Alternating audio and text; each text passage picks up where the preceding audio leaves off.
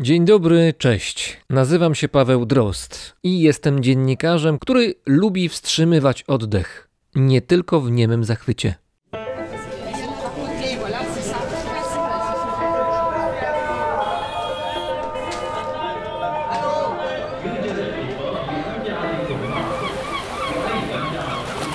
Brzmienie świata z lotu Drozda.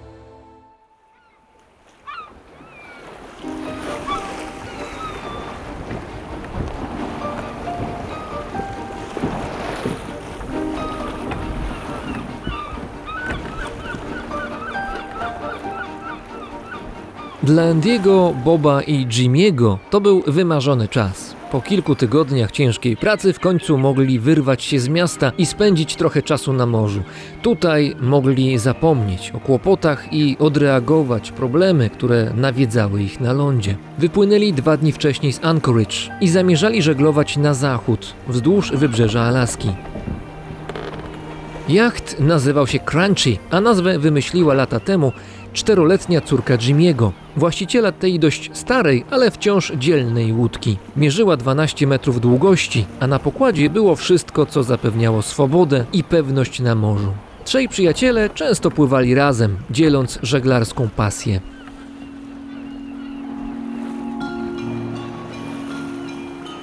Tego dnia pogoda była znakomita. Czyste niebo, a pomyślny wiatr pchał łódkę przed siebie. Bob, który znowu siedział w kambuzie, przygotowywał złowionego wcześniej halibuta. Lubił gotować. Andy stał za sterem, a Jimmy sprawdzał coś na dziobie.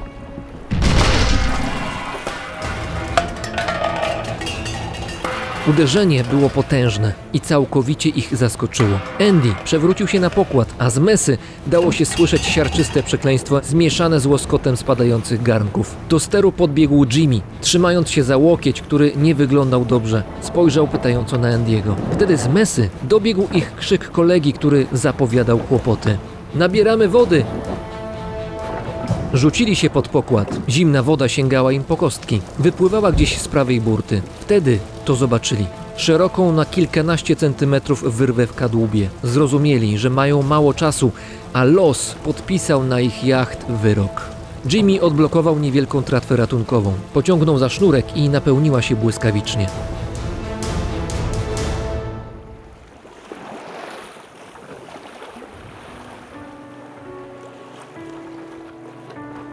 Siedząc ciało przy ciele w gumowej tratwie, przyglądali się bez słowa, jak Crunchy przechyla się na bok, a potem powoli, dziobem do góry, znika pod powierzchnią wody. Dopiero teraz, dużo dalej od nich, dostrzegli charakterystyczną fontannę wody wystrzeliwaną w powietrze i kawałek masywnego ogona, który skrył się wśród fal.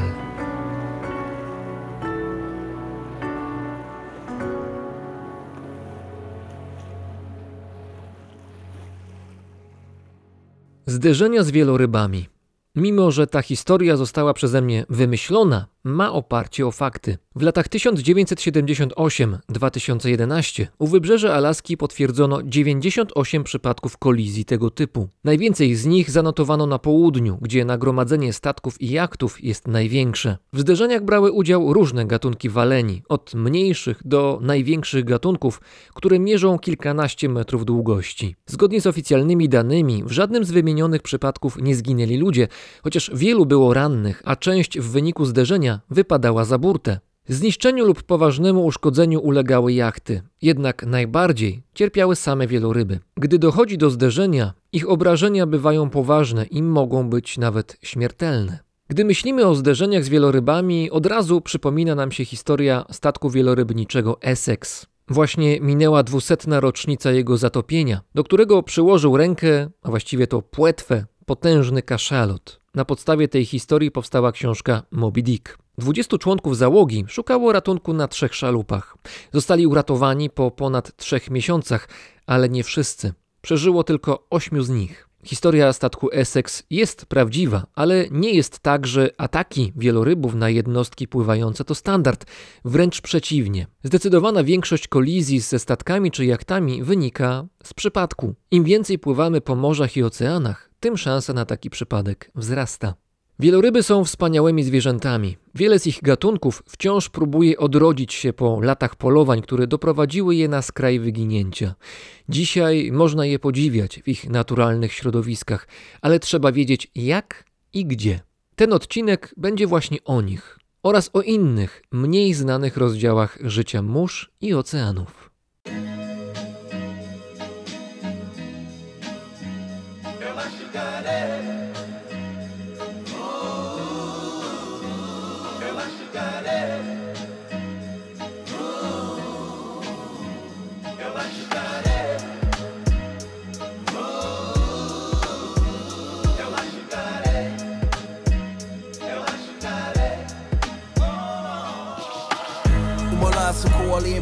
Anatômico Anacrônico como um índio amazônico. Catatônico nos tempos em Santo Antônio Eu causava o pandemônio como o som da Panasonic. Rima é dela, a cor sacrosanta A dor dela encanta, a flor bela espanca. Quer chegar lá como Def Leppard Black Sabbath, Frank Zappa, Led Zeppelin irmão, eu vivi tudo, passei vicissitudes, cheguei à infinitude, vidas ilicitudes. Tô em cada pétala qual limpo traz, mais de uma década, vê uma beca da decalagem. Eu quis a brisa com a rima que visualiza e com a visão dos The Weasel, rimei com Maurice e Giza. Hipopótamo do pensamento, hipócrates, esses reis do hip hop, que é pop, eu dou-lhes o apocalipse.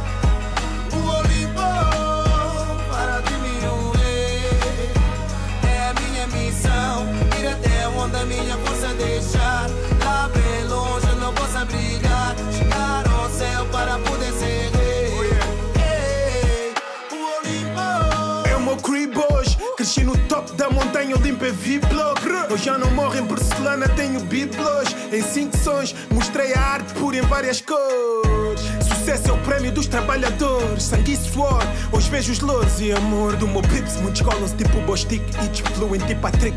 Audiência tá tipo Big Show, sick na sick.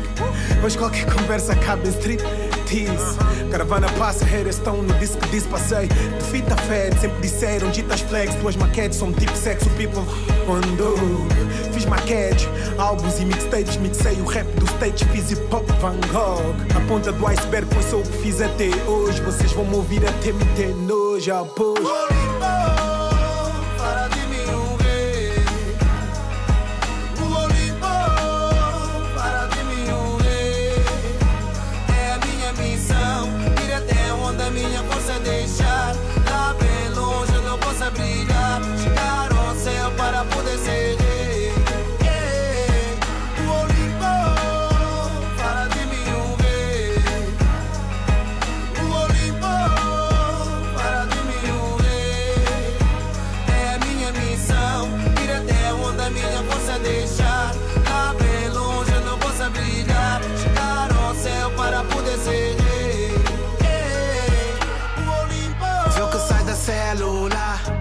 texto nosso é uma pérola.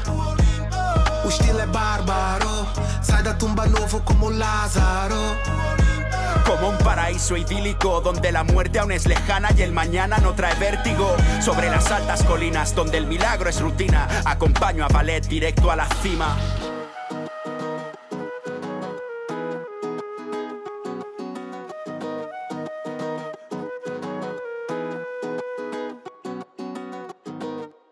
Dawno już nie miałem okazji rozmawiać o świecie podwodnym, świecie, do którego mam pewną słabość, ponieważ jestem osobą, która lubi czasem zaglądać pod powierzchnię wody. Teraz będzie świetna okazja, żeby nadrobić zaległości i przyjrzeć się morzom i oceanom z bliska, bardzo bliska, ponieważ razem z nami jest Wojtek Męczyński, płetwonurek i doświadczony fotograf podwodny. Witaj, cześć. Cześć Pawle. Podczas naszej rozmowy, oprócz tego, że spędzimy dużo czasu pod wodą, będziemy też na powierzchni, konkretnie w Królestwie Tonga, ale to dopiero za chwilę. Fotografujesz pod wodą od lat, a swój obiektyw kierujesz przede wszystkim na jedne z najmniejszych zwierząt podwodnych. Praktykujesz makrofotografię, czyli pozują ci zwierzęta, które mierzą kilka centymetrów, a czasem nawet mniej. Nazwijmy kilka z nich z imienia i nazwiska. Co to jest krewetka komensaliczna? Krewetka komensaliczna to taka krewetka, która żyje w pewnego rodzaju symbiozie, bo komensalizm to właśnie rodzaj symbiozy i krewetka komensaliczna to taka, która zwykle mieszka na jakimś gospodarzu, nie czyniąc temu gospodarzowi krzywdy, a korzystając z tego związku samodzielnie. Zwykle wygląda to w ten sposób, że krewetka komensaliczna upodabnia się swoim umaszczeniem do swojego gospodarza i dzięki temu jej gospodarz no, daje jej tak naprawdę schronienie przed drapieżcami. Krewetkowa wersja kameleona? Krewetkowa wersja żołnierza ubranego w maskujący mundur, który chowa się w lesie, nie wiem, obserwatora przyrody, który chce podejść zwierzynę, żeby zrobić jej zdjęcie. To jest bardziej tego typu wersja, dlatego że kameleon potrafi upodobnić się do swojego otoczenia, no nazwijmy to w uproszczeniu w mgnieniu oka, natomiast krewetka nie potrafi zrobić tego tak szybko. Są oczywiście w oceanach, mieszkają w oceanach takie zwierzęta, które potrafią zmieniać swoje ubarwienie, ba nie tylko ubarwienie, ale również strukturę swojego ciała w mgnieniu oka i potrafią zamienić się w przysłowiowy kamień czy skałę, ale krewetki komensaliczne tego nie potrafią. Czyli krewetkom komensalicznym zajmuje to troszkę więcej czasu. I jakie one są wielkie, poza tym, że małe? 2 cm, 1,5 to są takie wielkości mniej więcej. Schodzisz pod wodę, gdzieś y, u wybrzeży Filipin, gdzieś na Pacyfiku. Cel jest taki, żeby znaleźć między innymi taką krewetkę. Przed tobą szeroki przestwór oceanu, jakby powiedział wieszcz. I tutaj musisz znaleźć ten niewielki obiekt i teraz jak go szukasz? Na pewno są jakieś podpowiedzi, jakieś wskazówki, wiedza, która daje szansę na to, żeby zwiększyć możliwości znalezienia tego obiektu, ale to i tak jest szukanie igły w stogu siana, jak sądzę.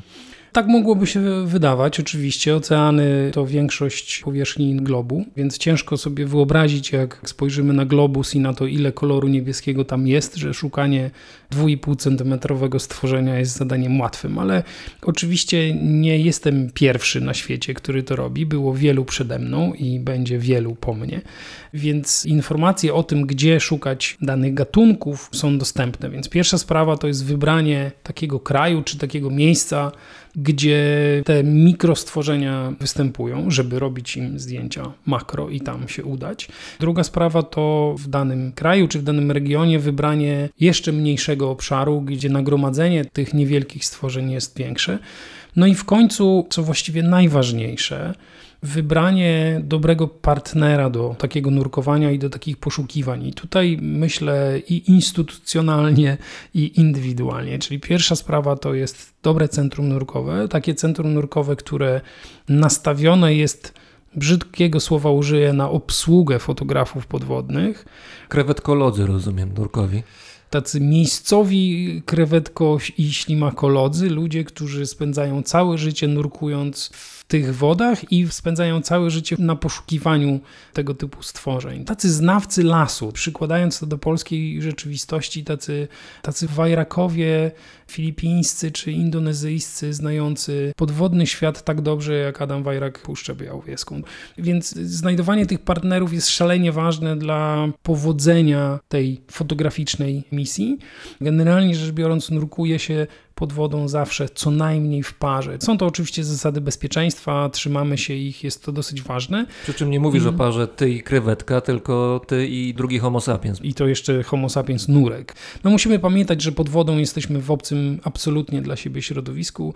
Mamy na plecach butle z powietrzem, w ustach automat oddechowy, na twarzy maskę, o której już mówiliśmy, no i tam pozostając jednak w mocno ograniczonym czasie, no próbujemy znaleźć to, czego szukamy. Więc ta osoba, która nam w tym pomaga, czyli ten nasz partner, a zarazem przewodnik, jest dla sukcesu takich poszukiwań moim zdaniem kluczowa. Jeżeli idziesz pod wodę, to dwa razy na 10 nurkowań jesteś w stanie swój obiekt wymarzony znaleźć, czy to jest większa skuteczność? Hmm, z tym bywa naprawdę bardzo różnie, bo to trochę zależy od tego, w jakim momencie roku się pojawiamy na danym miejscu. Tak? I może się okazać, że wtedy, kiedy my mamy czas na ten wymarzony wyjazd pojechać, no to wtedy tej krewetki może tam fizycznie nie być. Tak? Ona musisz wtedy- znać generalnie biologię tych zwierząt, prawda? To znaczy, kiedy się pojawiają, kiedy jest ich mniej, więcej. Tak, no staram się poznawać biologię zwierząt, które fotografuję, bo to ogromnie pomaga nie tylko w ich odnajdywaniu, ale później pomaga w ich fotografii. Tak? Jeśli wiesz o zwierzęciu, jak zwykle się zachowuje, czyli co powoduje, że to zwierzę się boi, albo co powoduje, że to zwierzę jest zrelaksowane, czyli zachowuje się w sposób naturalny, no to wtedy pozwala ci troszeczkę lepiej wykonywać tą fotograficzną robotę, czyli to, na czym ci zależy. Wyobraźnia zaczyna mi pracować. Jak wygląda zrelaksowana krewetka? Zrelaksowana krewetka siedzi w miejscu i zajmuje się swoimi sprawami, nie bacząc, Czyli gra w szachy? nie, nie bacząc na to, co dzieje się dookoła niej. No krewetki robią różne, różne rzeczy, tak? Są na przykład krewetki, które podobnie może jak znany wszystkim z filmów rysunkowych Nemo, czyli rybka Nemo Błazenek, są krewetki, które mieszkają w ukwiałach, czyli w kwiałach, które są parzące dla innych stworzeń, a dla krewetek nie. Albo ym, może tak powinienem to powiedzieć, a krewetki są przyzwyczajone do tego środowiska, jakby tak, i tam sobie żyją znowu w pewnego rodzaju komensalizmie, czyli są chronione przez ten ukwiał, a są krewetki, które są na przykład krewetkami czyścicielami, czyli krewetki, które wykonują, że tak powiem, robotę dla innych morskich zwierząt, zwykle ryb, ale nie tylko, i oczyszczają ich skrzela, oczyszczają ich otwory gębowe z pasożytów, z resztek pożywienia. I tutaj to też jest świetny przykład na piękną symbiozę i obserwowanie takich momentów jest absolutnie fascynujące. Może widzieliście, może gdzieś wam wpadły w oko takie zdjęcia czy ujęcia filmowe, kiedy nurkowie wyjmują z ust pod wodą automat oddechowy i pozwalają takiej krewetce wejść do swojej y, buzi po to, żeby ta krewetka tam też sprawdziła, że tak powiem, stan uzębienia. I takie rzeczy się dzieją. Można, Podziwiam można odwagę tych krewetek, zrobić. bo ta krewetka, która tak wpływa, chyba nie wie dokąd wpływa i że wcześniej kuzyni tej samej krewetki albo bardzo podobnej skończyli źle, będąc w takiej właśnie paszczy. Te, które czyszczą nasze, nasze zęby, to oczywiście jest żart. No, nie robimy tego na co dzień, nie robimy tego często, ale są nieduże i rzeczywiście mało efektywne z punktu widzenia żywieniowego byłoby ich zjadanie. Już wiemy, co to jest krewetka komensaliczna, a co to jest rawka błazen. Tak, rawka błazen to prześlicznej urody skorupiak, dużo większy niż krewetka komensaliczna, bo już kilku czy kilkunastocentymetrowy. I po pierwsze jest pięknie umaszczona, czyli ma piękne kolory, to skorupiak. Często nazywana krewetką, ale krewetką z punktu widzenia biologicznego nie jest. Rawki są nie tak małe jak krewetki komensaliczne, są całkiem spore, mają od kilku do kilkunastu centymetrów. Żyją w takich bardzo ciekawych, interesujących norkach w dnie morza, zwykle w piachu, w takim podłożu, które jest troszeczkę twardsze, żeby dało się właśnie w nim wykopać norkę. Co ciekawe, wyjść z norki jest zawsze więcej niż jedno. Rawka w ten sposób siebie broni, ale też zwiększa swoje szanse na zdobycie pożywienia, na polowanie.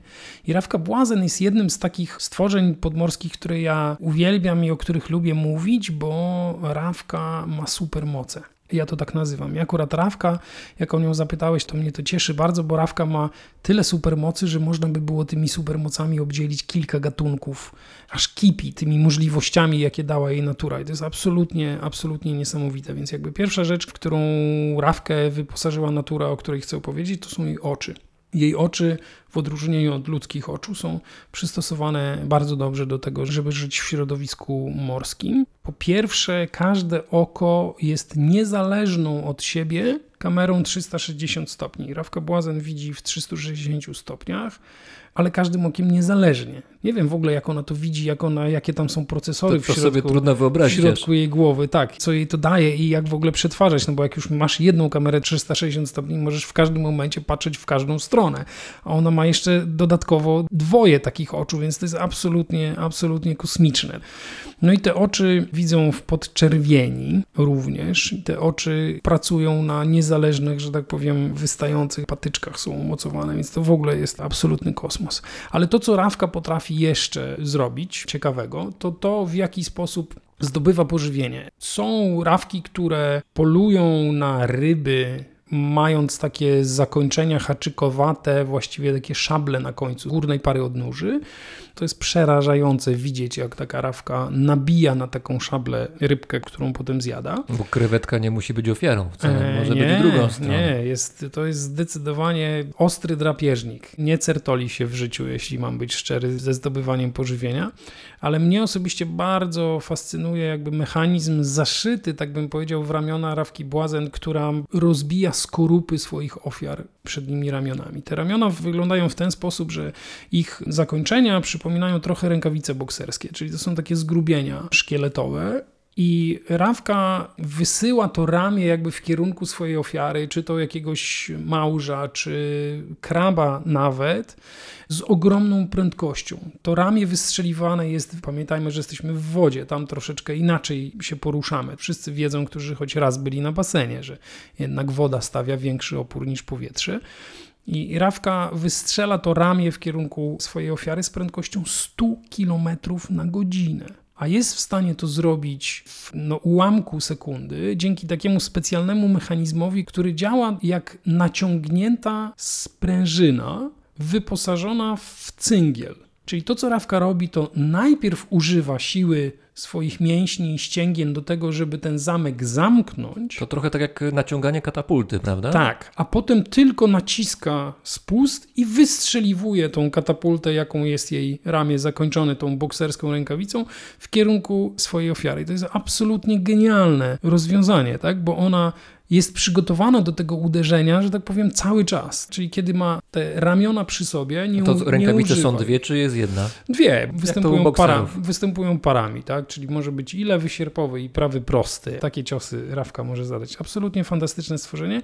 A jeszcze oprócz tego, że jest wyposażona w te niesamowite umiejętności, niesamowite moce, to jest multikolorowa, to jest prześliczna i naprawdę wygląda, wygląda fascynująco. Ma wypustki, które wyglądają jak ogon pawia. Cała jej skorupka jest bardzo kolorowa, porusza się pociesznie. No rzadko ją można spotkać poza norką, czyli tak w całości obejrzeć ją, ale oczywiście zdarza się to.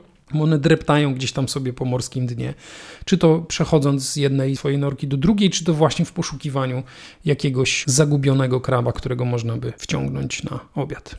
Zgaduję, że nie miałeś okazji uwiecznić na fotografii tego momentu wystrzału pięści. Niestety nie. Trzeba spędzić, myślę, bardzo dużo czasu z tymi zwierzętami i mieć oczywiście również mnóstwo szczęścia, żeby taki moment uchwycić. Oczywiście przez wielu podwodnych filmowców ten moment został uchwycony i można sobie to obejrzeć w filmach przyrodniczych. Mi się nie zdarzyło tego widzieć. Na pewno z rawkami też trzeba uważać, czy z tymi krewetkami już użyję popularnej nazwy tego zwierzęcia. Ja muszę uważać jako fotograf podwodny, bo słyszałem historię o tym, że rawki potrafią zbić szkło chroniące obiektyw aparatu podwodnego. Czyli mogą Mm, wybrać za cel właśnie płetwonurkę. Mogą wybrać za cel płetwonurka, mogą mu zrobić krzywdę. Przypomnij, E, jak, jakie duże to są zwierzęta? To są zwierzęta, które mają kilkanaście centymetrów. Ich grubość dochodzi może do grubości, nie wiem, średniej wielkości ogórka. To potwory. E, no, potwory, tak, potwory. A sprzęt za kilkadziesiąt tysięcy złotych potrafią zniszczyć jednym uderzeniem. No, trzeba uważać. Zresztą w ogóle jakby pod wodą trzeba uważać i pierwsza podstawowa zasada każdego płetwonurka, nie tylko tego, który fotografuje, niczego nie dotykasz. I to naprawdę jest ważne. A zdarzyło ci się kiedyś jakoś zapatrzeć się w jakiś obiekt, który wyśniony był wcześniej i go znalazłeś i tak bardzo się na nim skoncentrowałeś, że już zabrakło czasu i mocy umysłowej, żeby sprawdzać, ile jest powietrza w butlach, na jakiej jesteś głębokości, ile już czasu spędzasz pod wodą, bo to wszystko trzeba brać pod uwagę oczywiście, żeby bezpieczeństwo nurkowania było zachowane. Wstyd się przyznać do tego i dotykasz takiej ciemnej strony, że tak powiem, fotografii podwodnej. Życie. Ale tak, zdarzyło mi się, no może nie zapomnieć całkowicie o tym, co się wokół mnie dzieje, ale zdarzyło mi się no, wpaść w taki fotograficzny szał właśnie dlatego, że widzę tego ślimaka, którego nigdy wcześniej nie widziałem. Teraz mam akurat bardzo konkretną, że tak powiem, opowiadając Ci o tym, bardzo konkretną sytuację przed oczyma. Minuty mijają bardzo szybko. Nam się wydaje, że gdzieś tam leżąc na tym piachu i fotografując tego wymarzonego, jak mówisz, ślimaka, zrobiłem dopiero pięć zdjęć albo dwa ale czas mija, to trochę trwa. Pamiętajmy o tym, że to fotografowanie pod wodą no jest bardzo ograniczone, jeśli chodzi o możliwości tworzenia sytuacji, w których fotografujemy. Fotografujemy stworzenia w ich naturalnym środowisku, no i fotografujemy je w takich miejscach, w jakich akurat dzisiaj się znajdują, czyli przy spotkaniu bardzo atrakcyjnych stworzeń, których wcześniej nie widziałeś, ale na przykład naczytałeś się o nich wiele, albo widziałeś piękne zdjęcia swoich znamienitych kolegów, którzy to stworzenie wcześniej już fotografowali. To serce bije dużo szybciej. Jest to podniecenie, które powoduje, że nie możesz się powstrzymać i chcesz to zdjęcie robić i chcesz nawet czasami, gdy warunki nie sprzyjają, czyli właśnie ustawienie tego stwora jest nie takie, jakbyś sobie e, wymarzył, czy sytuacja, czy tak zwane podejście, tak, czyli na przykład nie możesz wjechać gdzieś w jakieś miejsce z aparatem, żeby korzystnie, że tak powiem, sfotografować dane stworzenie, to nadal czasami robisz te zdjęcia jako szalały. No i potem okazuje się, że właśnie powietrza w butli zaczyna brakować, a ty jesteś na 20 którymś metrze. Jeszcze trzeba się z tej wody wynurzyć, zrobić to w sposób bezpieczny jeszcze odbyć przystanek bezpieczeństwa, który jest właściwie, można powiedzieć, obligatoryjny przy każdym nurkowaniu, czyli na głębokości 5 metrów wisimy sobie przez 3 minuty, po to, żeby odsaturować organizm z zalegającego w nim azotu i chronić się od niebezpieczeństw choroby dekompresyjnej, no to to wszystko gdzieś tam w takich sytuacjach potrafi nam umknąć. Ale tu też sprawdza się w takich sytuacjach to nurkowanie zespołowe, czyli nawet w tym najmniejszym zespole dwuosobowym. Po to mamy też partnera, który powinien nas w takich sytuacjach pilnować i bardzo serdecznie pozdrawiam mojego ulubionego partnera nurkowego, czyli moją żonę Joannę. Dziękuję. Jeżeli chodzi o ulubione obiekty podwodne, te nieduże, to też ślimaki chyba są jednymi z Twoich ulubionych. Tu wspomniałeś o nich. Jakieś konkretne? Oj tak, jest ich kilka gatunków. Mam paru faworytów. Zdecydowanie na samym szczycie chyba listy moich ulubionych ślimaków są baranki Sean.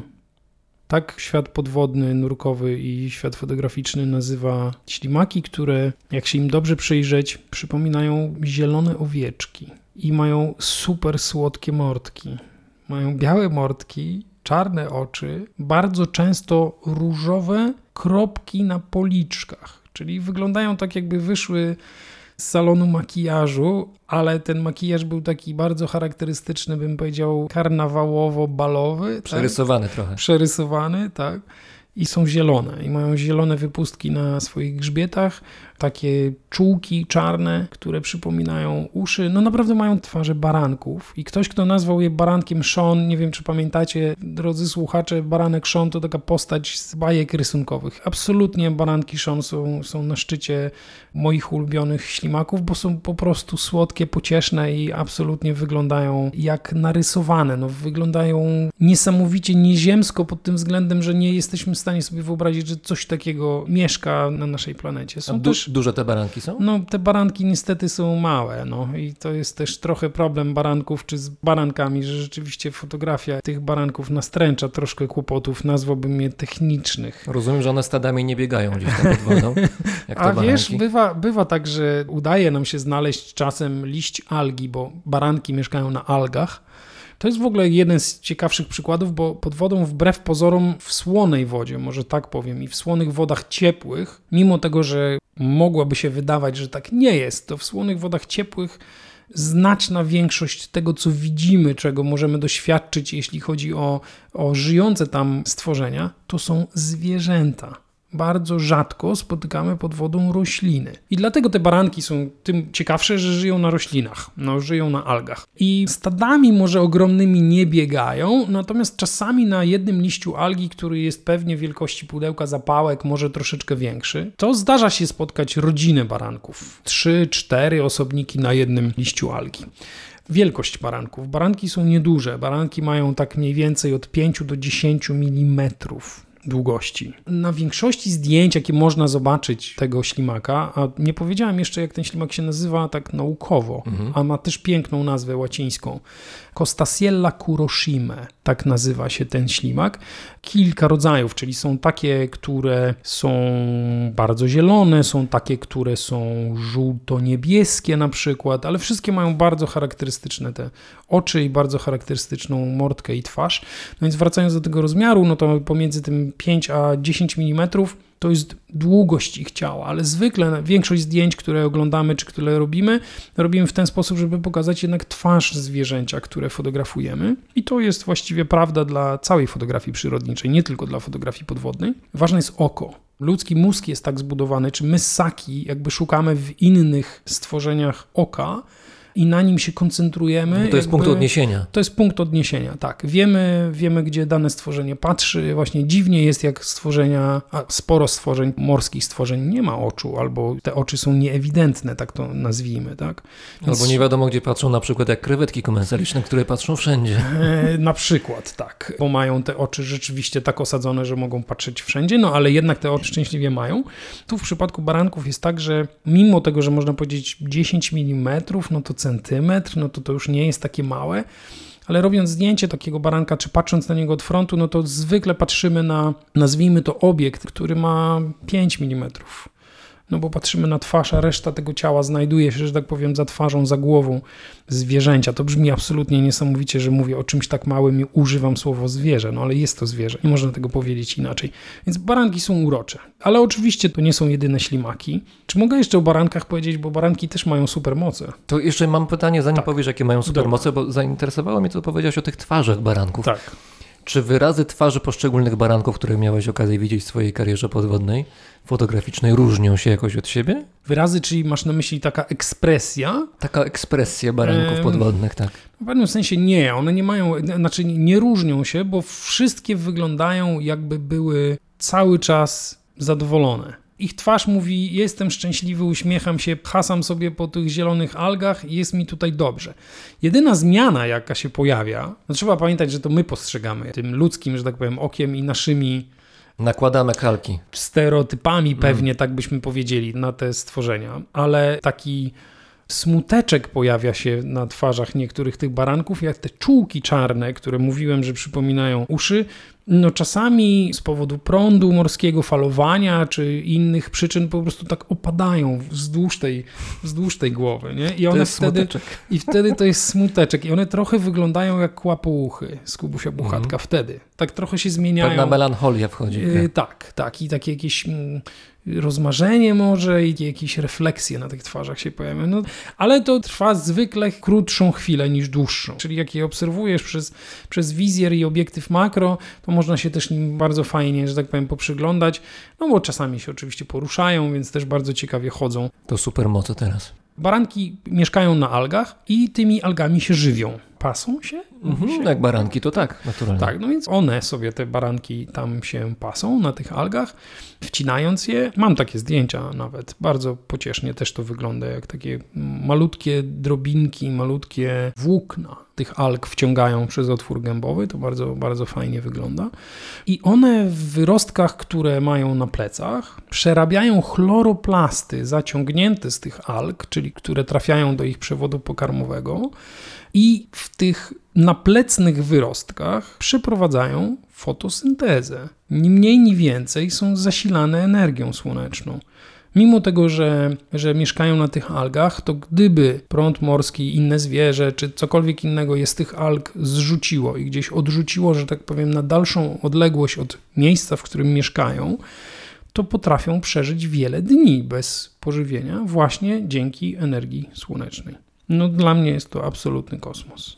W patrzeniu na świat podwodny można mieć spojrzenie takie właśnie jak ty masz przede wszystkim, jeżeli chodzi o fotografię podwodną, to znaczy na dużym zbliżeniu, fotografia makro. To jest twój konik, właściwie konik morski można powiedzieć. Natomiast nie jest tak, że tylko i wyłącznie taka fotografia cię interesuje, bo zdarzają się też epizody, kiedy jest dokładnie odwrotnie, to znaczy kiedy obiekty są znacznie większe niż baranki inne krewetki komensaliczne. A swoją drogą, nie wiem czy wiesz, ale jest jedna krewetka komensaliczna, której nazwa została stworzona na cześć Eltona Johna. Nie. Pięć lat temu, tak. Krewetka na cześć Eltona Johna. Zdaje się, że chodziło o to, że ta krewetka miała coś, co przypominało odnóża, które były wyjątkowo duże w stosunku do reszty tej krewetki. I to komuś, czyli odkrywcy, przypomniało Eltona Johna w jakimś koncercie czy filmie, już nie pamiętam w tej chwili dokładnie, gdzie ów Elton John miał duże buty, takie trochę w stylu cyrkowego klauna. To się to komuś skojarzyło i Elton John jest teraz krewetką komensaliczną w głębinach również. Bardzo Ci dziękuję, bo muszę, muszę to jest absolutnie, jest taka. absolutnie jest fascynujące. Nazwa łacińska. Do, do, odnalezienia. Nazwa łacińska na, z przodu, nie pamiętam jaka jest, a druga to jest Eltoni. Okej, Można w ten sposób znaleźć. Eltoni Johnny, to bardzo, bardzo ładnie brzmi. Zostawmy na razie Eltona Johna w wersji krewetkowej, bo mówiłem o tych obiektach podwodnych, które można oglądać i które ty też oglądałeś i fotografowałeś, które są znacznie większe od rzeczonych krewetek, ślimaków, owieczek i tak dalej. Tu mam na myśli konkretnie wieloryby, a konkretnie jeszcze to humbaki, czyli płetwowce oceaniczne, prawda? Długopłetwce oceaniczne. Długopłetwce, tak, właśnie. To jest prawidłowa nazwa, ale Polska. generalnie tak. Długo- Nawet w Polsce często używamy tej nazwy humbaki, bo Tak. to jakoś tak bardziej charakterystycznie weszło nam trochę w głowę. I owe humbaki oglądałeś i pływałeś z nimi, fotografowałeś u wybrzeży Królestwa Tonga. Czyli tu mamy na daleki wschód od Australii, no mniej więcej między Australią a Ameryką, tak plus minus. Mm, No tak, do Ameryki jest jeszcze daleko. Dużo bliżej jest jednak na Tonga z Australii. Tak. I do Nowej Zelandii, tak rzut kamieniem Tak, czyli, czyli tak mniej więcej to jest na północny wschód od Nowej Zelandii i Australii. Jeśli potraktujemy te dwa kraje jako jeden obszar geograficzny, tamten rejon świata, południowy Pacyfik. I humbaki pojawiają się w tych rejonach, ponieważ regularnie migrują pomiędzy antarktycznymi wodami, gdzie jest im dobrze i przyjemnie, ale kiedy chcą się rozmnożyć i postarać się o nowe potomstwo, wtedy przemieszczają się chyba kilkadziesiąt tysięcy kilometrów, prawda? Kilka, Bardziej... kilka tysięcy, sześć tysięcy kilometrów pływają z jeszcze większego południa na trochę mniejsze południe, Hmm. czyli płyną na północ do ciepłych wód pacyficznych, tak, po to, żeby się rozmnażać. I miałeś okazję widzieć trochę, jak te gody wielorybie, przechodzenie na świat młodych, jak one się rozwijają, jak to wygląda pod wodą właśnie, bo to są te miejsca na świecie, między innymi Królestwo Tonga, kiedy można, to też ważne, legalnie, wejść pod wodę i te wieloryby, humbaki konkretnie pod wodą oglądać. Rozumiem, że wtedy sprzęt jest zupełnie inny, inaczej się pracuje z takimi obiektami podwodnymi i też, to jest ważne, to jest nurkowanie z tak zwanym sprzętem ABC, czyli fajka, maska, płetwy, koniec. Żadnego sprzętu ciężkiego. Dokładnie tak. Tak to wygląda, więc yy, tak, humbaki absolutnie, absolutnie fascynujące stworzenia. Kilkanaście metrów długości. Do 16-17 dorosłe osobniki osiągają i też dołożyć trzeba do tego ich wagę. Dorosłe humbaki potrafią ważyć 40 ton. Ale wracając do Tonga, królestwo na Pacyfiku, zresztą jedyne królestwo, jedyny kraj, który jest królestwem w tamtym rejonie świata, jest rzeczywiście monarchią, jest rzeczywiście rządzony przez króla. Kilkanaście chyba już lat temu doszło do powstania czegoś, co można nazwać rządem. Są ministrowie, ale, są i, są ale tendencje demokratyczne Tak, są- w tej chwili. pewnie z punktu widzenia Europy tak byśmy tego nie nazwali, ale dla nich na pewno jest to duża zmiana. Te wieloryby, które pojawiają się na Tonga, przypływają, jak już powiedziałeś, z zimnych wód antarktycznych po to, żeby robić tam właściwie trzy rzeczy. Po to, żeby rodzić dzieci, po to, żeby te dzieci płodzić, no i po to, żeby te dzieci troszeczkę tak naprawdę wychowywać. To są trzy podstawowe, że tak powiem, cele, dla których wieloryby podróżują co roku w te same miejsca. To też jest bardzo fascynujące, że te humbaki, które trafiają na Tonga, a nie na przykład na wody Nowej Zelandii, albo na wody Polinezji Francuskiej, albo na wody Australii, jeszcze może troszkę wcześniej, to są zawsze te same osobniki, tak można powiedzieć. Tak? System bocianów mniej więcej, które wracają Tak, do swojego nazywamy, nazywa, na- nazywają je biologowie, czy ludzie, którzy zajmują się badaniem humbaków, nazywają je plemionami.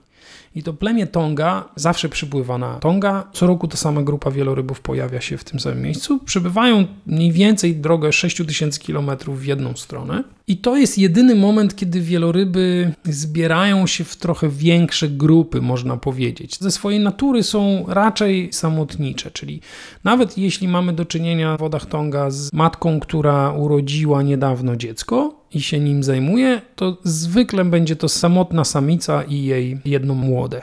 Kręcą się na Tonga też spore ilości samców, które do samic tamże się zalecają i chciałyby doprowadzić do przedłużenia Szukają e, szczęścia. przedłużenia gatunku i szukają szczęścia, tak.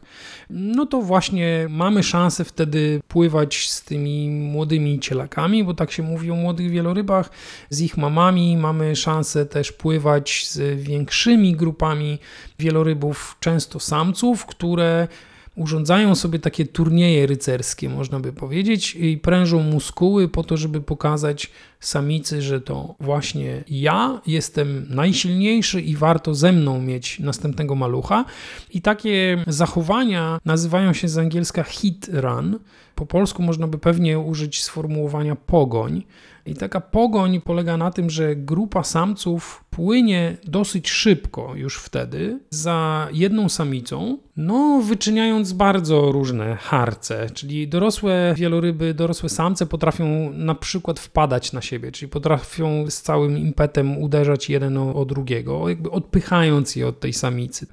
Uczestnictwo w takiej pogoni, jeśli można tak powiedzieć, czy bycie niemym świadkiem takiej pogoni jest możliwe tylko na drobne sekundy, na sekund może 10, 15, może 20, może 30, jeśli mamy więcej szczęścia. Polega to na tym, że po zlokalizowaniu takiej grupy wielorybów, które w tej pogoni uczestniczą, łódź, na której się znajdujemy, podpływa do takich wielorybów pod kątem 45 stopni, a właściwie należałoby powiedzieć, że wyprzedza je, mając nadzieję, że wieloryby nie zmienią jakby trasy swojego płynięcia. Wskakujemy do wody i ile sił w nogach próbujemy dopłynąć do tej trasy, że tak powiem, przez którą przepływają wieloryby. I to jest tylko ten moment, jeśli nam się uda, jeśli starczy nam sił w nogach, jeśli wieloryby nie skręcą w przeciwnym kierunku, nie zanurkują bardzo głęboko na przykład, bo to też się zdarza, to wtedy mamy szansę zobaczyć taki spektakl na własne oczy, I odbywa- dosłownie przez kilkanaście I sekund. to się odbywa w ten sposób, że wy jesteście płetwonurkowej na górze, na powierzchni albo bardzo blisko powierzchni, no bo jesteście bez sprzętu, bez butli. A wieloryby ile są pod wodą? 10 metrów więcej? Czasami dwa, czasami jeden, Aż tak czasami blisko. trzy metry pod wodą. Ja widziałem taki fenomen raz. Jeden, jedyny raz udało nam się podpłynąć do takiej grupy i wtedy tych wielorybów było... Nie pamiętam tego dokładnie. Nie mam dobrych zdjęć z tego momentu. Wielorybów było około 10 i one były na różnych głębokościach, tak? Czyli były takie wieloryby, na które patrzyliśmy ewidentnie z góry, będąc na powierzchni wody, które były pod nami i one może były pod nami właśnie, nie wiem, 5, może 6 metrów, a były takie, które no, płynęły dosłownie obok ciebie, tak? Czyli były na twojej głębokości. Wieloryby co do zasady nie pływają jakby na dłuższych dystansach po powierzchni morza, tylko są przynajmniej no, minimalnie, że tak powiem, zanurzone. Dla nich to jest te pewnie parę metrów, ale no jednak biorąc pod uwagę, jak duży jest wieloryb, no to masz takie wrażenie, że ten wielki pociąg płynie obok ciebie.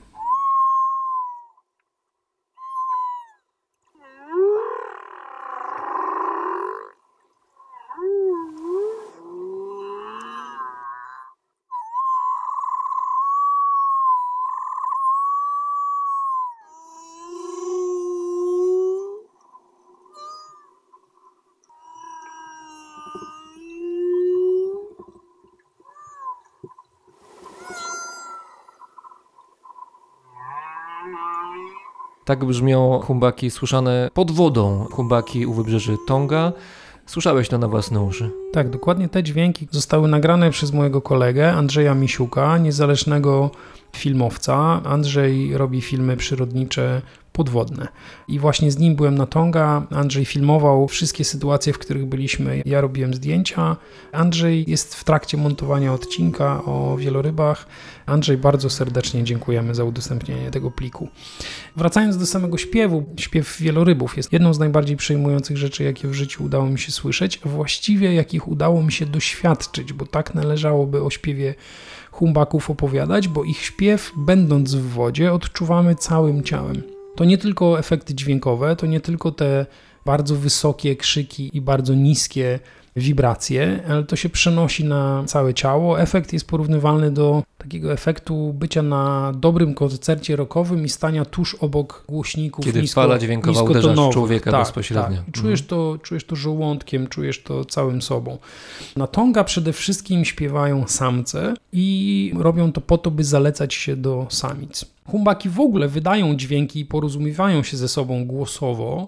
Ale też, też dużo znaków zapytania tutaj jest, prawda? Tutaj nie ma pewności Tak, nie ma- nie ma- dokładnie nie o ma- co chodzi. nie ma pewności, Być może tak. opowiadają sobie dowcipy, albo słuchajcie, dzisiaj widziałem fajnego człowieka, pływał nade mną. Może też tak było. Tego nie wiemy. Znowu nakładamy swoje postrzeganie świata Tak na ocenianie, że tak powiem, tego, jak zachowują się zwierzęta i co można z tego wyczytać. Ale tak, wygląda to najczęściej tak, czy tego, czego myśmy doświadczyli, wygląda to tak, że, że samiec zanurzony jest na kilkanaście, kilkadziesiąt metrów poniżej poziomu wody, głową w dół i w takiej pionowej czy półpionowej pozycji przebywa przez minut nawet kilkanaście, prowadząc tą swoją opowieść śpiewną i no jest to naprawdę, naprawdę niesamowite przeżycie i śpiew humbaka niesie się pod wodą bardzo, bardzo, bardzo daleko. Jak generalnie dźwięki w wodzie się tak, Tak, przenoszą, prawda? Tak, no i też jakby przenoszą się w ten sposób, że nie bardzo wiemy skąd dochodzą, tak? Więc śpiew humbaka jedna z bardziej fascynujących rzeczy, jakie w życiu przeżyłem.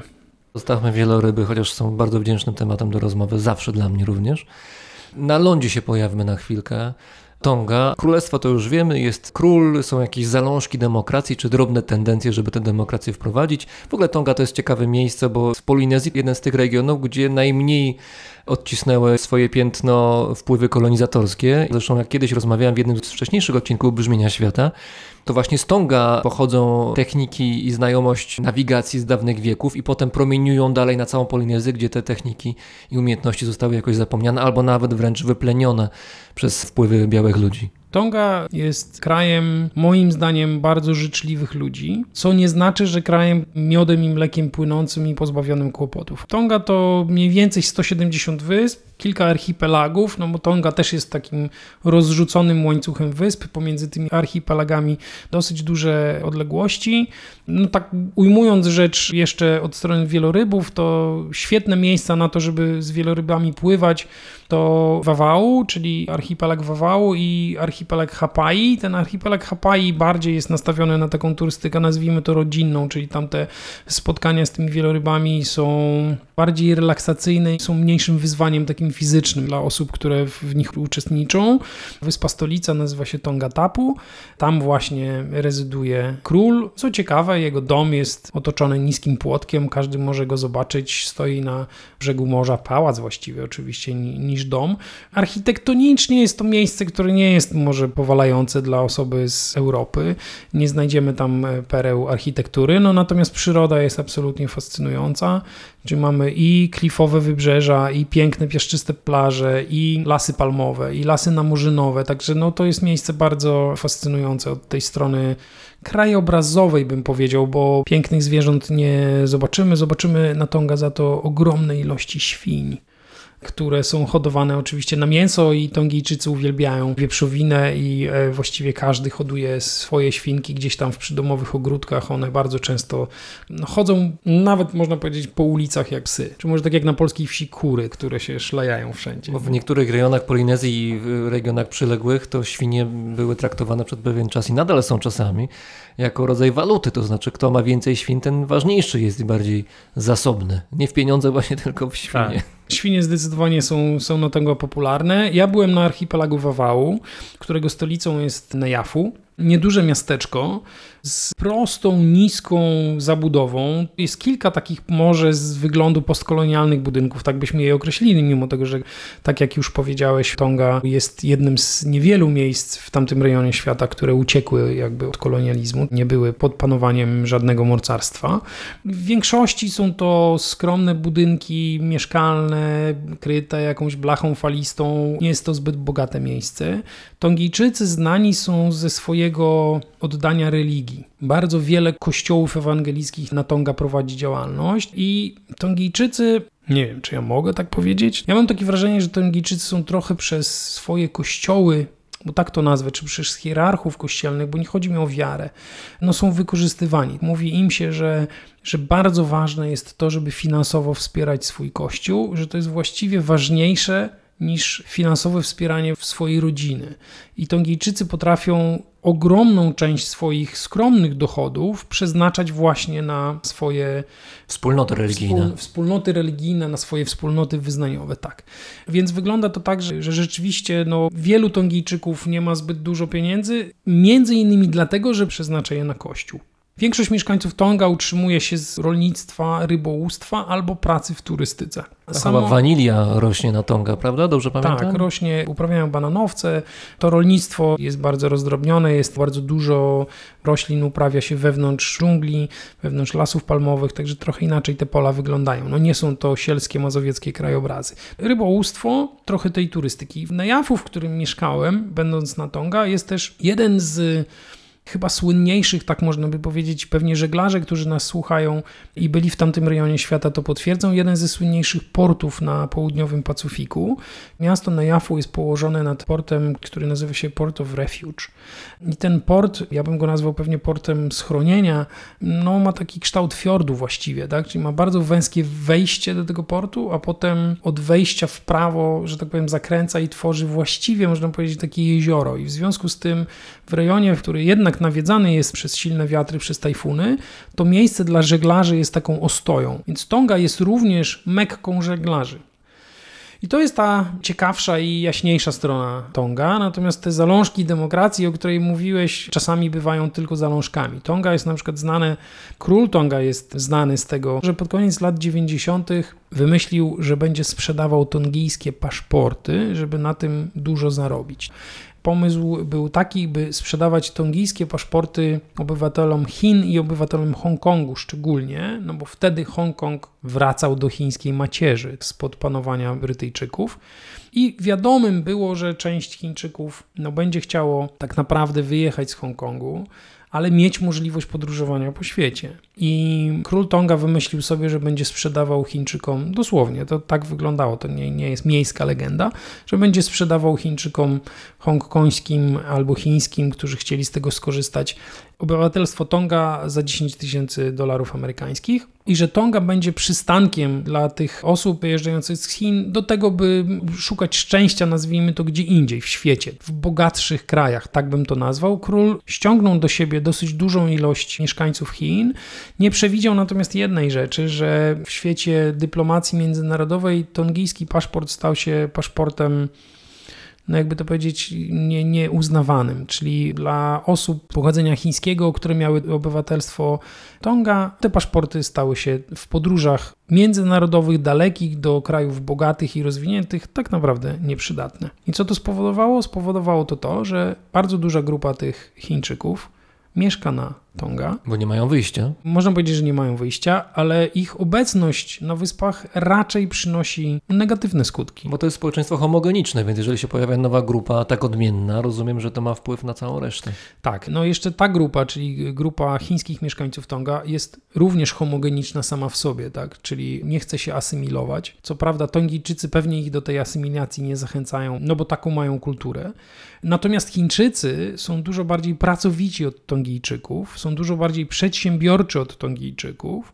I to powoduje, że przejmują bardzo dużą część gospodarki, która nie jest ogromna na Tonga, ale na przykład w Nejafu, w którym mieszkałem, nie widziałem sklepu, który byłby prowadzony przez niechińczyka. Czyli większość sklepów, czy to spożywczych, czy to tak zwanych przemysłowych, prowadzonych jest przez osoby z, z Chin. I to myślę nie jest najlepsza, że tak powiem, droga do rozwoju tego kraju. Nie mam nic przeciwko Chińczykom co do zasady, tylko no to pokazuje, jak nieprzemyślane bywają decyzje. Czy równowaga została zachwiana? Równowaga została zachwiana, zdecydowanie widać to też z rozmów jakby z Tongijczykami, czują się pokrzywdzeni przez tę sytuację. Ale też trzeba powiedzieć o nich samych, że no tytanami pracy niektórzy z nich też nie są, więc też jakby od takiej No, ciemniejszej... jakbym mieszkał w takim klimacie, to pewnie byłbym dokładnie taki sam. No.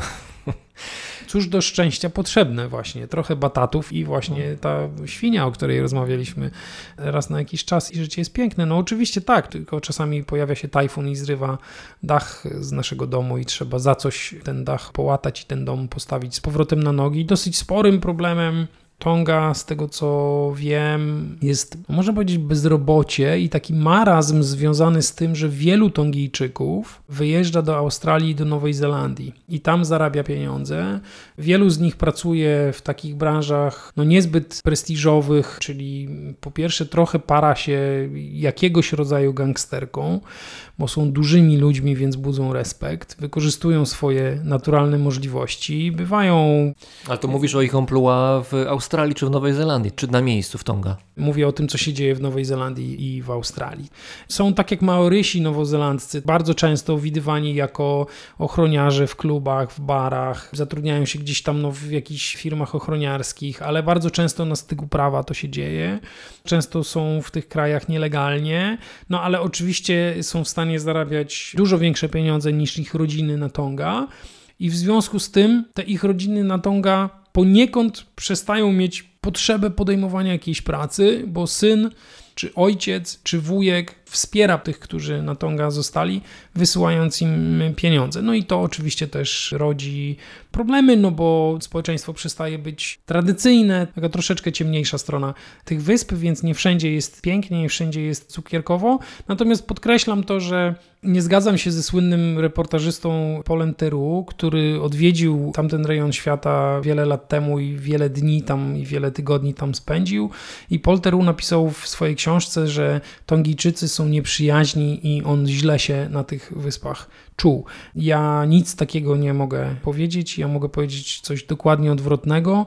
Ci ludzie są absolutnie przyjaźni. Ja nie spotkałem się z żadnym, absolutnie żadnym zachowaniem Tongijczyków, które by mogło świadczyć o tym, że jesteśmy tam niemile widziani. Jeszcze jedno zwierzę nam zostało do omówienia, jak sądzę. Dużo więcej jest do omówienia. Mm. Patrzę na Twoją twarz i uśmiech, ale no, musimy jednak powoli zmierzać do finału. Mam na myśli tutaj zwierzę związane przynajmniej nazewniczo z wielorybem. Mm. Konkretnie mam na myśli rekina wielorybiego, mm. czyli największy z rekinów w ogóle, jeżeli chodzi o gatunki. Z nimi też miałaś okazję pływać, miałeś okazję je widzieć. Gdzie to było? To było też Tonga, czy to inny rejon? To było na Filipinach. Mhm. Bardzo się cieszę, że mnie o to pytasz i zachęcasz do tego, żeby o tym opowiedzieć. Na spotkanie z rekinem wielorybim czekałem 12 lat. Dzięki temu, że czekałem na to spotkanie 12 lat, to jak już udało się do tego spotkania doprowadzić, a właściwie można powiedzieć jak Zgrać kalendarze. Rekin, jak rekin wielorybi zaszczycił nas obecnością w tym miejscu, w którym my akurat się znaleźliśmy, no to była to wielka radość i to było znowu ogromne przeżycie. Do pewnego stopnia nawet chyba silniejsze emocjonalnie niż spotkanie z wielorybami, Naprawdę? Z, humbakami. Do pewnego stopnia tak, mhm. dlatego że ta moja historia z humbakami jest takim trochę dziełem przypadku. Jak wiele oczywiście wspaniałych rzeczy, które w życiu nam się przydarzają, ale ja wyjazdu na Tonga, można powiedzieć, nie planowałem. Nie planowałem go robić w tym momencie mojego życia, w którym to się wydarzyło. Natomiast marzyłem, bo tak chyba można powiedzieć, o spotkaniu rekina wielorybiego od początku mojej przygody nurkowej, a ta zaczęła się na przełomie 2005 i 2006 roku. A pierwszego rekina wielorybiego na własne oczy, bardzo blisko zresztą, w takim bardzo intymnym kontakcie, zobaczyłem w 2018. No i było to fantastyczne przeżycie. Działo się to na wodach południowego Leyte. To jest kolejna duża wyspa Filipin. Tak na wschód od Bohol. Południowe Leyte, gdzie można spotkać rekiny wielorybie w ich naturalnym środowisku, w żaden sposób nie zmienianym przez człowieka. Bo jest również na Filipinach bardzo znane miejsce, do którego pielgrzymują, a właściwie czasami, które zalewają turyści, którzy chcą zobaczyć rekina wielorybiego. To miejsce nazywa się Oslop i jest na wyspie Sebu. I to jest bardzo złe miejsce porównaniu do tego południowego Leyte, w którym byłem. Oslop jest jakimś wypaczeniem spotkań z dziką przyrodą i z dziką naturą.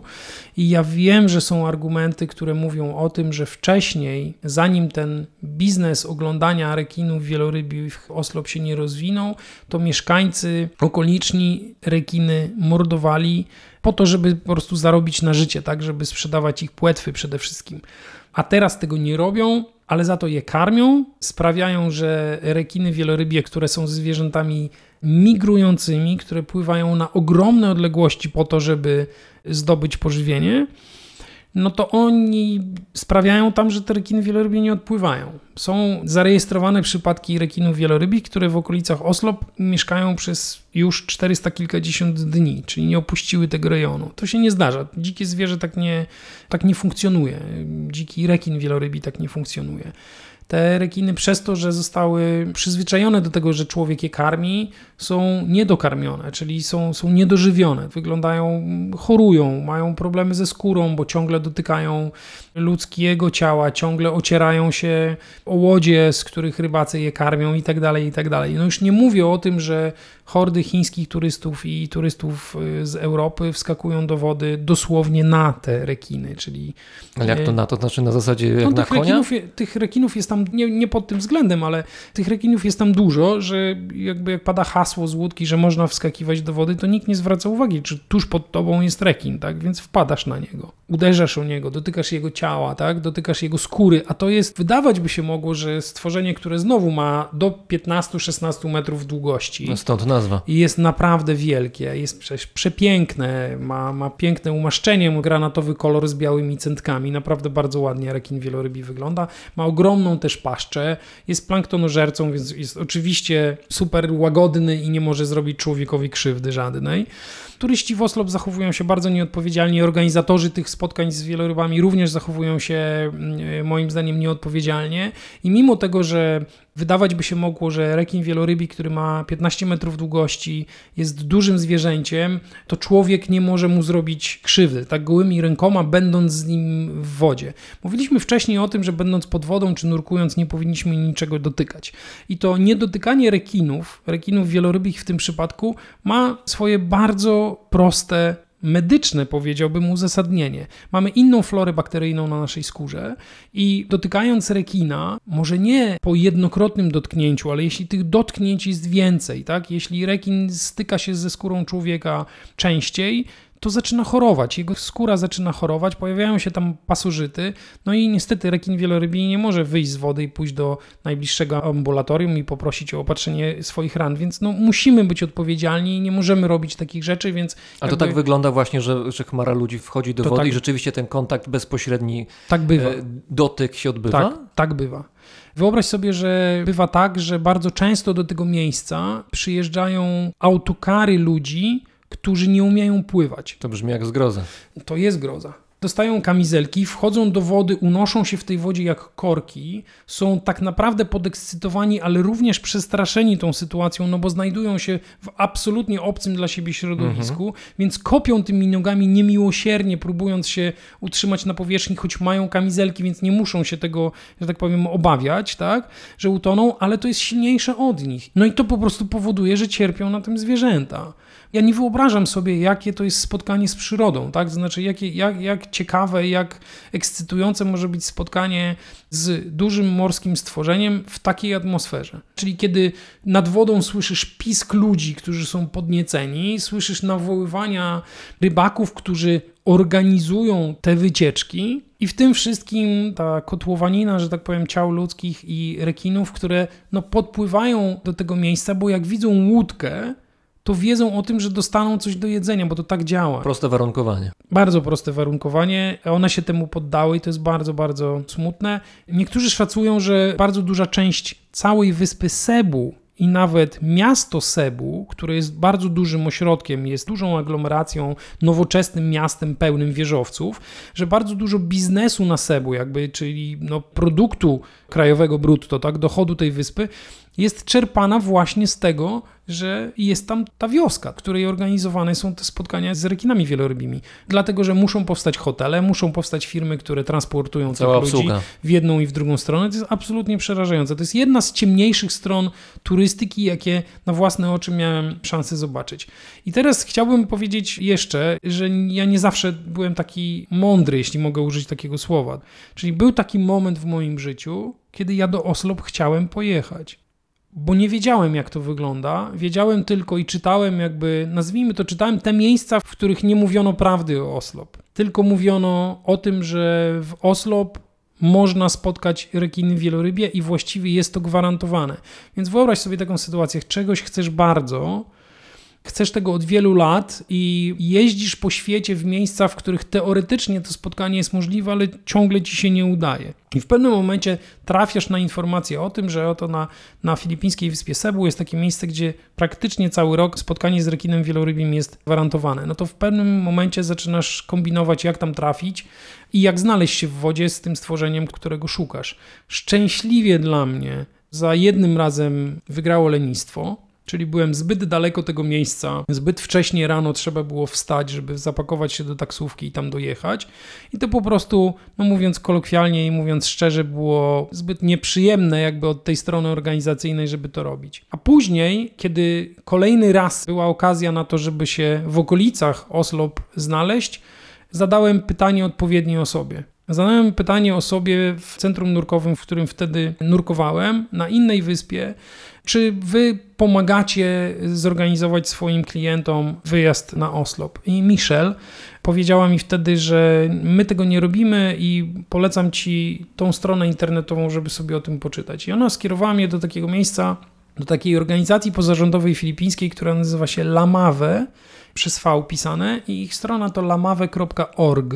I wszystkim, którzy są zainteresowani tym tematem, bardzo serdecznie to miejsce polecam. Z tej strony internetowej dowiedziałem się, że naukowcy prowadzili badania w Oslop i wiedzą o tym właśnie warunkowaniu i o tym, że naturalne zachowania tych fantastycznych ryb zostały zmienione i gdzie można na Filipinach w sposób zdecydowanie bardziej odpowiedzialny spróbować te piękne stworzenia spotkać. I stamtąd dowiedziałem się właśnie o tym południowym Leyte i tam pojechałem do miejscowości Pintujan, gdzie również lokalni rybacy prowadzą taką działalność ekoturystyki i próbują pokazywać rekiny wielorybie chętnym.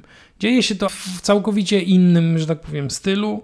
Wsiadamy na łódkę, mamy ze sobą 3-4 malutkie łódki drewniane, na których pływają właśnie ci lokalni rybacy, a my sobie siedzimy gdzieś tam w jakiejś zatoczce i czekamy i liczymy na to, że uda im się może zobaczyć przepływającego gdzieś przez tą zatokę rekina wielorybiego. Jeśli to się, że tak powiem, udaje i ten rekin w tym miejscu się znajduje, podpływamy do tego miejsca, wskakujemy do wody i liczymy na to, że, że ryba pojawi się w zasięgu naszego wzroku, że będziemy mogli na nią popatrzeć.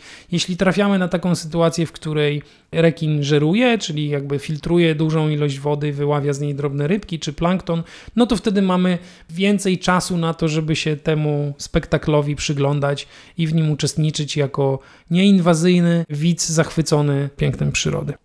Razem z nami świat podwodny przekazywał Wojtek Męczyński, czyli płetwonurek i fotograf podwodny. Dzięki. My nurkowie mówimy, zostawmy po sobie tylko bąbelki. Dziękuję serdecznie i pamiętajcie, chrońmy oceany.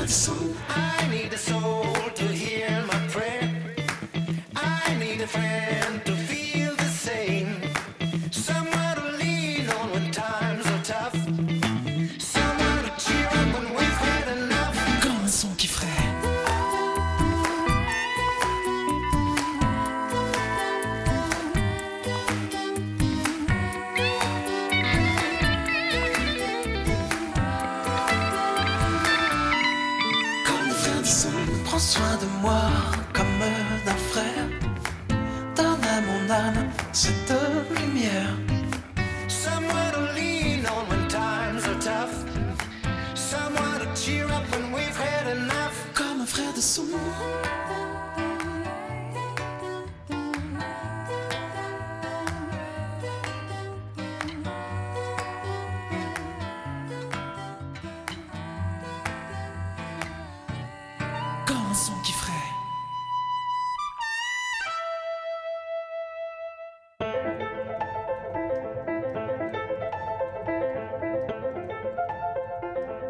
Słuchaliście brzmienia świata z lotu Drozda. To audycja, której ambicją jest przyglądanie się temu, co w świecie zasługuje na uwagę i refleksję.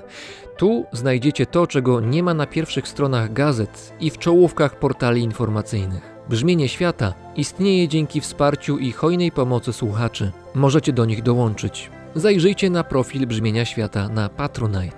Będę wdzięczny za każdą wpłatę.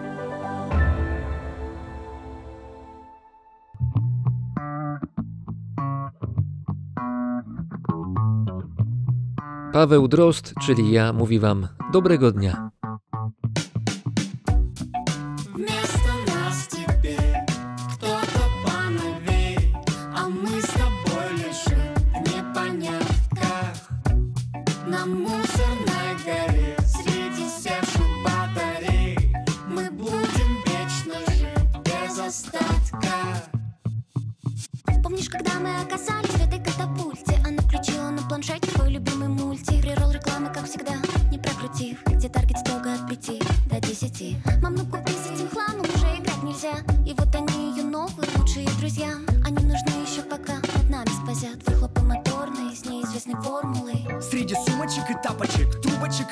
Среди обломков и баночек, осколков и карточек.